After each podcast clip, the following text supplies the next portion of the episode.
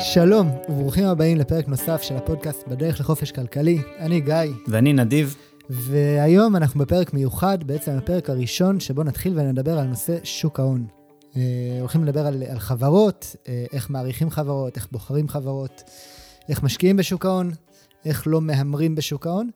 אה, אז בואו נתחיל. כן, זה נושא שהוא מאוד מאוד רחב, והאמת היא שאפילו התחלנו להקליט פרקים ממש טכניים לגבי שוק ההון, ובאיזשהו שלב הבנו שבשביל באמת באמת להצליח בשוק ההון, שוק ההון, נכון, יש לו, יש לו אלמנטים טכניים, צריך לדעת מה עושים, צריך ללמוד, אבל, אבל באמת, יותר מזה, אמ, צריך אה, לפתח איזושהי גישה, איזושהי הסתכלות נכונה לגבי שוק ההון. ואני חושב, גיא, אתה ואני האחרונים שהם, אה, אנחנו אנשים שהם מאוד מאוד פרקטיים בתפיסת עולם שלנו, בהסתכלות שלנו על השקעות, אבל אנחנו כן מבינים שבגלל המאפיינים המיוחדים שיש בשוק ההון, אם נכנסים לאותו שוק בלי הגישה הנכונה, אמ, אז באמת אי אפשר להגיע לתוצאות המיטביות, ואפילו אה, אפשר ממש אה, ליפול, כמו שבאמת שומעים על זה. כן, כן, אה, ממש. אני, אני אוסיף ואגיד שיש גישה, שבעיניי זה בסדר לנקוט בה, של להגיד, אני לא רוצה לרדת לעומקם של דברים. אני לא רוצה עכשיו לנתח מניות ולקרוא דוחות פיננסיים ולהקשיב לכל מיני יועצים כאלה ואחרים. אני מסתפק בתשואת השוק, וזה בסדר. ואנשים יכולים לקנות אה, איזשהו מדד, שבעצם אה, מדד אה, עוקב כזה כן, מחכה. כן, הם, הם קונים קרן מחכה, כן, קרן סל. ש, שנותן להם איזושהי בעלות חלקית, שבריר בעלות בהרבה מאוד חברות, מחזיקים אותו לאורך המון המון שנים, לא מסתכלים, אין, אין מה להסתכל, יעלה, ירד, לא מעניין. לאורך טווח, לאורך טווח ארוך זה יעבוד. אה, אבל מה שאנחנו בעצם אה, באים, והסיבה שאנחנו הולכים עכשיו לדבר על שוק ההון במשך כמה וכמה פרקים, זה שהדרך שבה דברים עובדים, היא ששוק ההון בעצם אה, מאפשר לנו לקחת חלק בבעלות על חברות, ולקנות בעלות בחברות. ואנחנו גם באים ומבינים שלא כל חברה היא חברה שאנחנו רוצים להיות בעלים שלה. זה יכול להיות מכל מיני סיבות. זה יכול להיות מסיבות ש, שחברה אולי עושה משהו שאנחנו לא מתחברים אליו ברמה האידיאולוגית. זה יכול להיות שאנחנו חושבים שה, שההנהלה של החברה היא, היא, לא, היא, היא לא טובה. זה יכול להיות שאנחנו לא מאמינים ב, ב, ב, במוצר המסוים של החברה. זה יכול להיות שפשוט אנחנו לא, לא, לא מתחברים לתחום או לא מבינים אותו. אה, אבל, אבל חלק מה... קצת האמירה פה זה שכשאנחנו באים ואנחנו משקיעים בחברות דרך שוק ההון, ואנחנו באים ואנחנו שמים הרבה מאוד כסף, ומספיק שנפעיל קצת שיקול דעת ונהיה זהירים עם איפה שאנחנו שמים את הכסף שלנו, אה, יכול להיות וכנראה שנצליח לקבל תשואה לאורך שנים שהיא יותר בטוחה, וכנראה גם קצת יותר גבוהה מאותה רולטה של לשים קצת מכל דבר ולקוות לטוב. כן, אני חושב שאתה נוגע לא נוגע באמת בסיבה למה, הרי דיברנו הרבה על, על עולם הנדל"ן, על כל מיני השקעות אחרות, למה בכלל אה, לבוא ולהשקיע בשוק ההון, ואני חושב שהסיבה הבאמת הכי פשוטה לכך, היא ששוק ההון אה, מביא לנו אפשרויות שלא קיימות בנדל"ן. זאת אומרת, אם אני עכשיו אה, קניתי דירה להשקעה, יכול להיות שאני אוכל להעלות לה את השכירות בכמה אחוזים כל שנה, יכול להיות שאני אוכל לעשות לה איזשהו שיפוץ, אבל הדירה שלי לא תייצר טכנולוגיה חדשה. היא לא תפתח עוד סניף באיזשהו מקום אחר.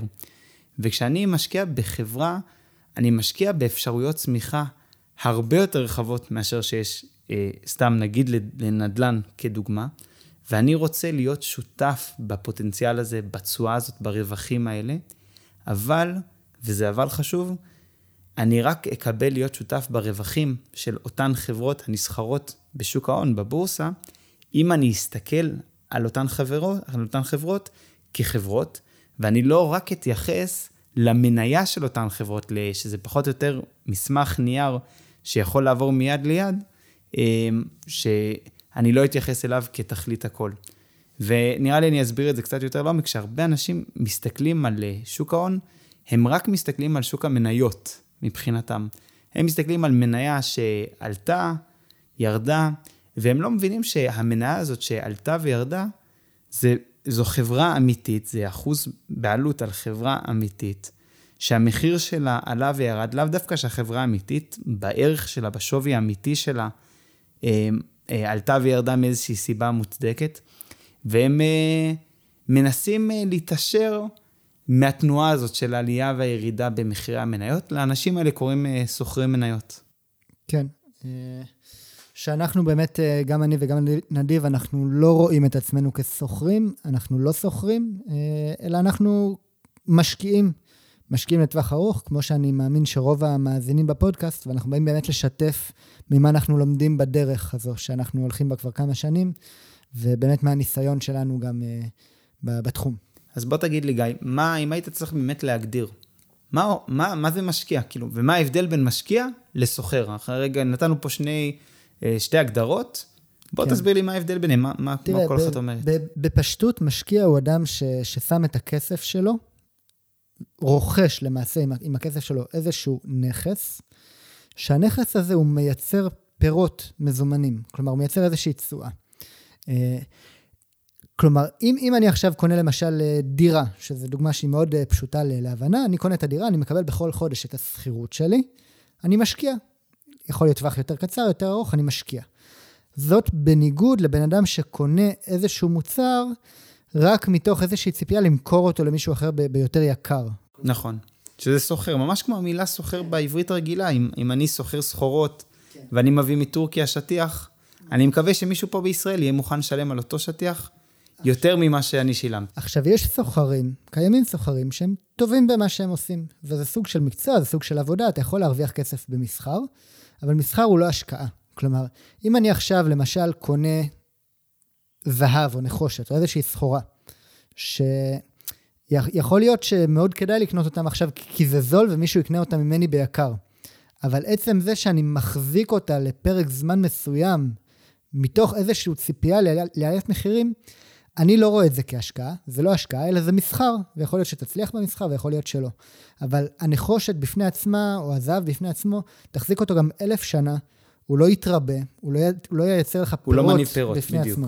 אה, אז באמת, בהשקעה, בעיניי, בהשקעה בחברות, ואנחנו לא משקיעים במניות, אנחנו משקיעים בחברות, אנחנו קונים בעלות בנכס, הנכס הזה הוא נכס אמנם אה, אמורפי קצת, זו חברה.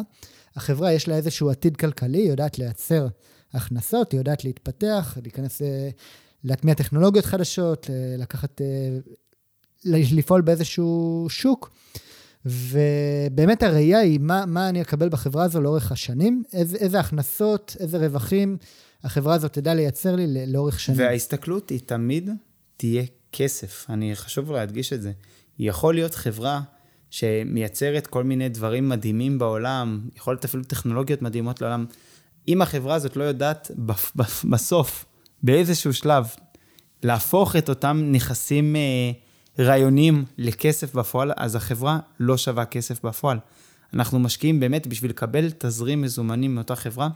חברה יכולה לפעמים לתת לנו תזרים המזומנים בתור דיבידנד, לפעמים היא יכולה לעשות מה שנקרא buyback, אה, שזה רכישה עצמית של המניה, שאנחנו נדבר על הדברים האלה הרבה בהמשך, אבל בסופו של דבר, כשאני בא לבחון חברה, אני שואל, מה סך הרווחים של החברה הזאת מהיום עד יום המוות, עד, אה, עד אחרית הימים, אוקיי? ואני שואל, כמה כל הרווחים העתידיים האלה, כמה הם שווים לי היום. וככל שהרווחים כמובן הם יותר עתידיים, יכול להיות שאני אגיד, רגע, זה שווה לי קצת פחות היום. ככל שהרווחים באמת הם יותר, הם יותר מיידים, אני אולי אהיה מוכן לשלם עליהם גם עכשיו, יותר. עכשיו, נדיב, למה, למה אנחנו באים פה ומבלבלים את המוח על, על חברות oh, ועל, טווח, ועל טווח ארוך? כי אנחנו יודעים שרוב הפוקוס בשוק ההון הוא, לא, הוא לא שם. נכון, כי באמת מה, מה, ש, מה שקרה בעשורים האחרונים, זה שהבורסה עברה מהפכה, שהיא מהפכה מאוד מבורכת בעיניי, והיא הפכה להיות נגישה לאדם הממוצע, וזה התחיל כבר לפני עידן האינטרנט. אבל האינטרנט כמובן הפך את זה להרבה הרבה יותר נגיש. אה, ובפועל, פעם אם היית לקנות מניה, היה סיפור מההפטרה, היה עולה הרבה מאוד כסף לקנות מניה, היית צריך לשכור אה, שירותים מאוד יקרים. של אה, ברוקראג' אה, מאוד מאוד יקר. ללמוד על מניה פעם, בשביל להכיר מניה, היית צריך להתקשר אל החברה ולהזמין בדואר את הספר של הדוחות הרבעוניים שלה. זה, זה משהו היה אחר לחלוטין. ולכן אני גם... מניח שמניות היו פחות מחליפות ידיים במהירות כן, בתקופה ההיא. נכון, בקושי העבירו ידיים. אנשים קנו מניות, או לפחות זה היה האידיאל, בשביל אה, להחזיק אותם לאורך זמן. חוץ מאנשים אולי שגרו בניו יורק או בשיקגו ממש צמוד לבורסה, רוב האנשים שהחזיקו מניות, ורוב האנשים לא החזיקו מניות, באמת החזיקו את זה כ... במנטליות של בעלים, שאנחנו נדבר על המנטליות הזאת הרבה. ומה שקרה בעשורים האחרונים, באמת, מכיוון שזה נהיה הרבה יותר נזיל והרבה יותר נגיש לסחור בבורסה, הרבה אנשים התחילו לפתח מנטליות קצרת טווח.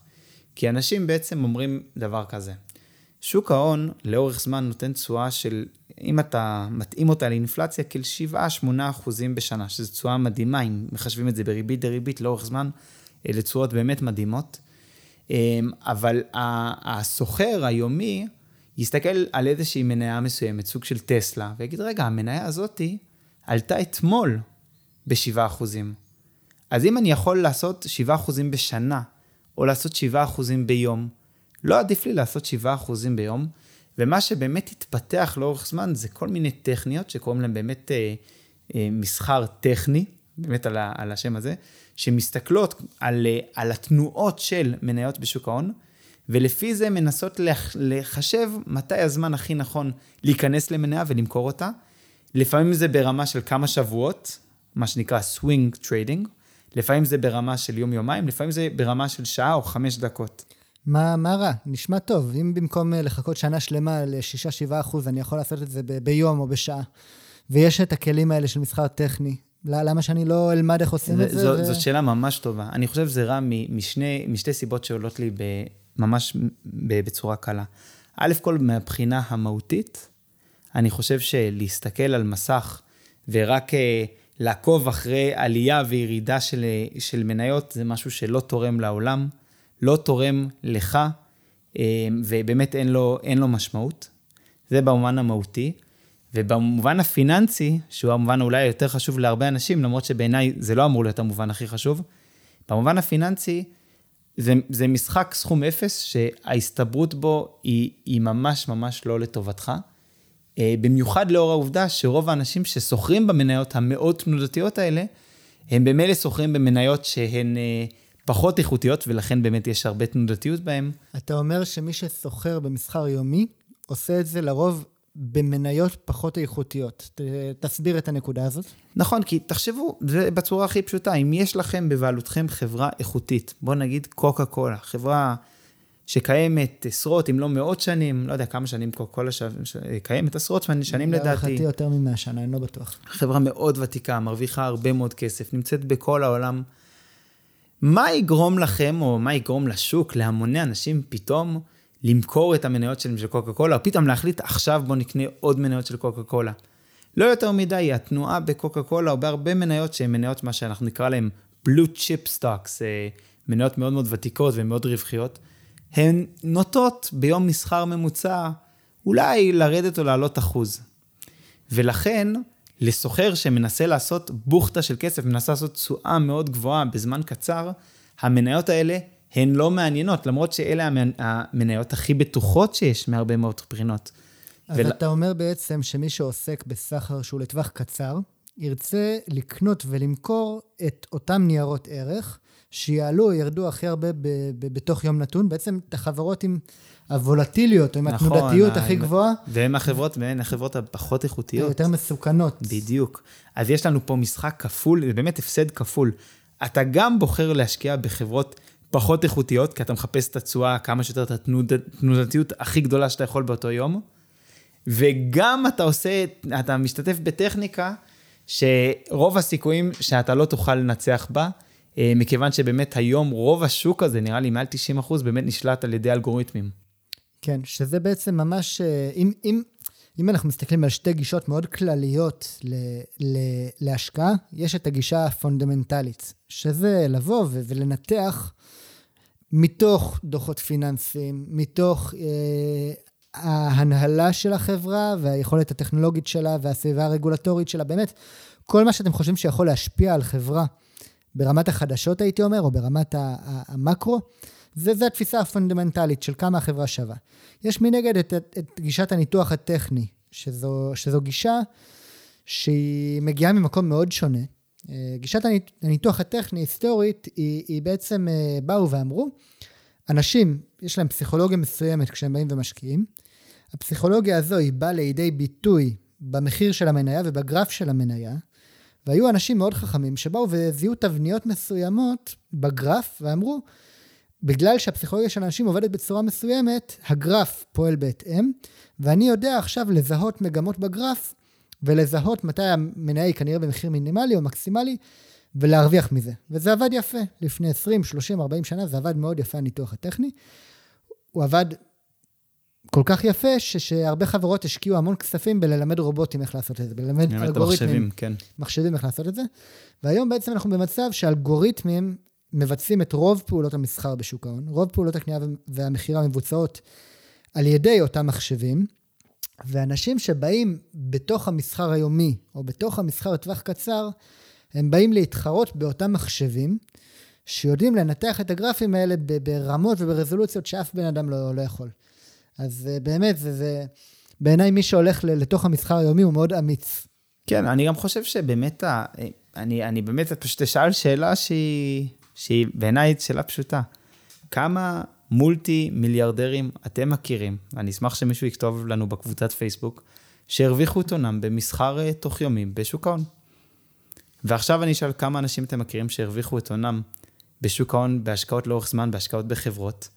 פחות או יותר, כל, תסתכלו על כל העשירים של בול, ברשימת בלומברג, נגיד 100 של בלומברג או, או פורבס, אה, ואתם תראו שכולם היו אנשי עסקים שהחזיקו עסקים והשקיעו בהם אה, לאורך שנים.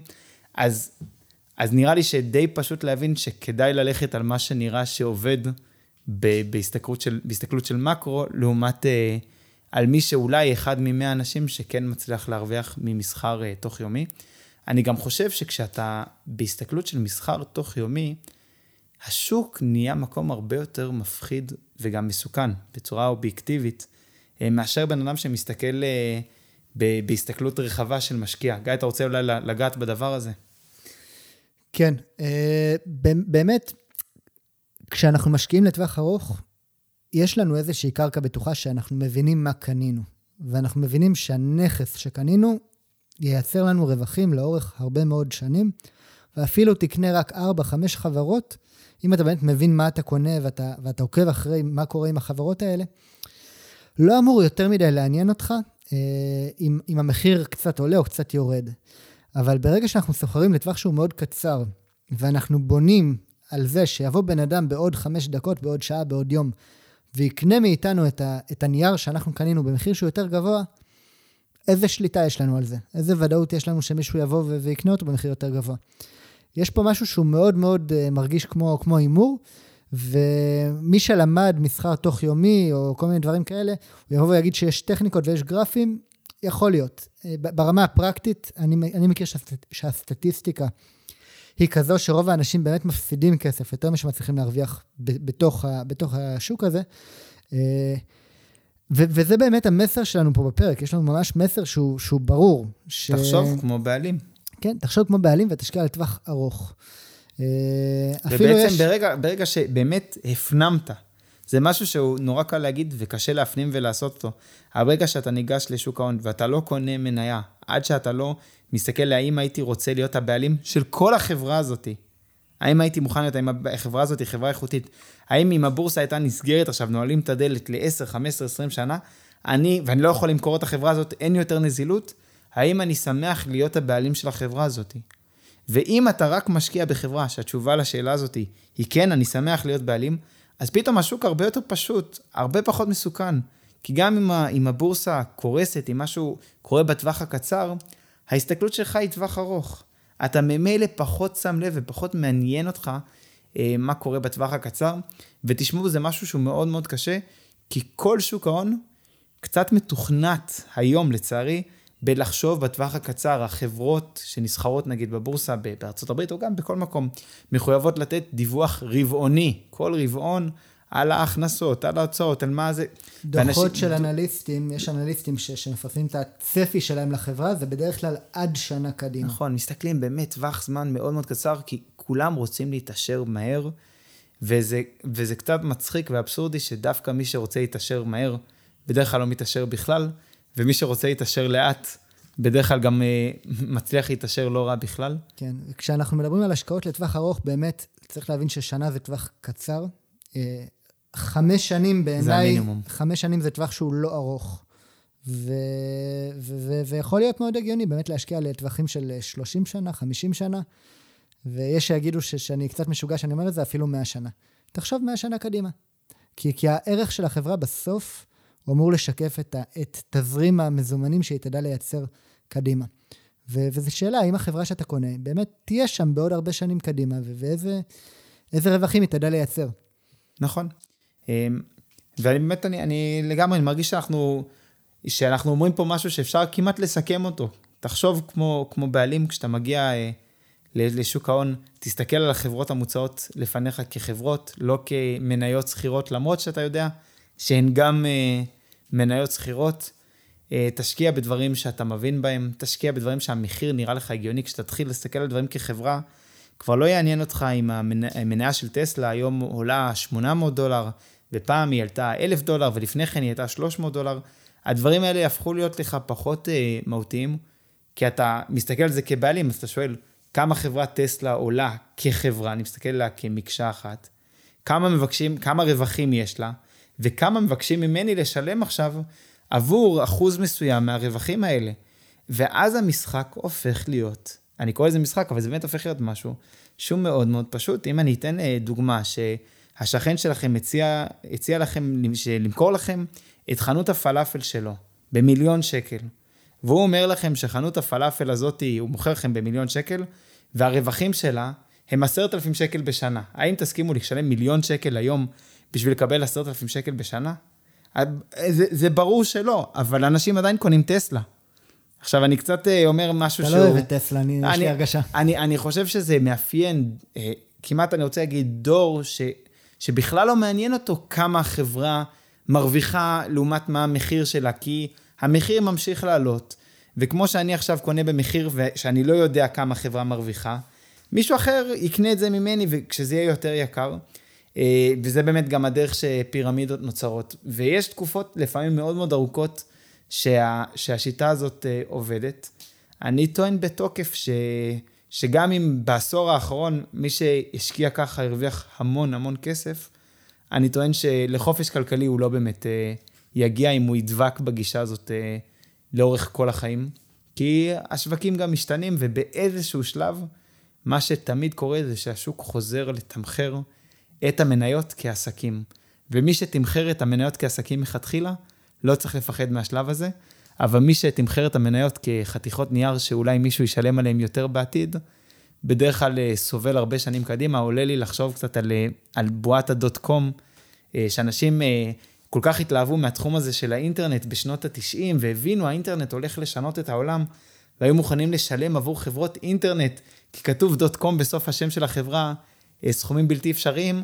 האנשים האלה עדיין, בסוף 2000, אנחנו כבר ב-2021, עדיין מלקקים את הפצעים שלהם, והרבה מהם, אה, מהחברות האלה עדיין לא חזרו, או שהם נכשלו לחלוטין, או שהם עדיין לא חזרו למחירים שהם היו באזור שנת 2000. כן. עכשיו, גם אני וגם נדיב, אנחנו שנינו צעירים, אנחנו לא אחרי, אנחנו לא אחרי 60 או 70 שנה בשוק ההון. ממש לא, אנחנו שנים בודדות, נדיב כמה שנים, אני, אני שנה וקצת. המסרים שאנחנו באים פה בעזות מצח ונותנים אה, מסרים למאזינים, אנחנו נותנים את המסרים האלה למאזינים, גם כדי לתת את המסרים האלה לנו עצמנו ולהזכיר לנו. והמסרים האלה מגיעים באמת מתוך זה שהסתכלנו על מי הצליח ב-50, ב-70, ב-100 השנה האחרונות, מי הצליח בשוק ההון. באמת, קונק- קונקרטית, עובדתית, מי הצליח ומה הוא עשה. ואיפה שלא מסתכלים, רואים באמת שמי שהצליח זה, זה אנשים שתמיד הסתכלו על הערך של החברות שהם קונים.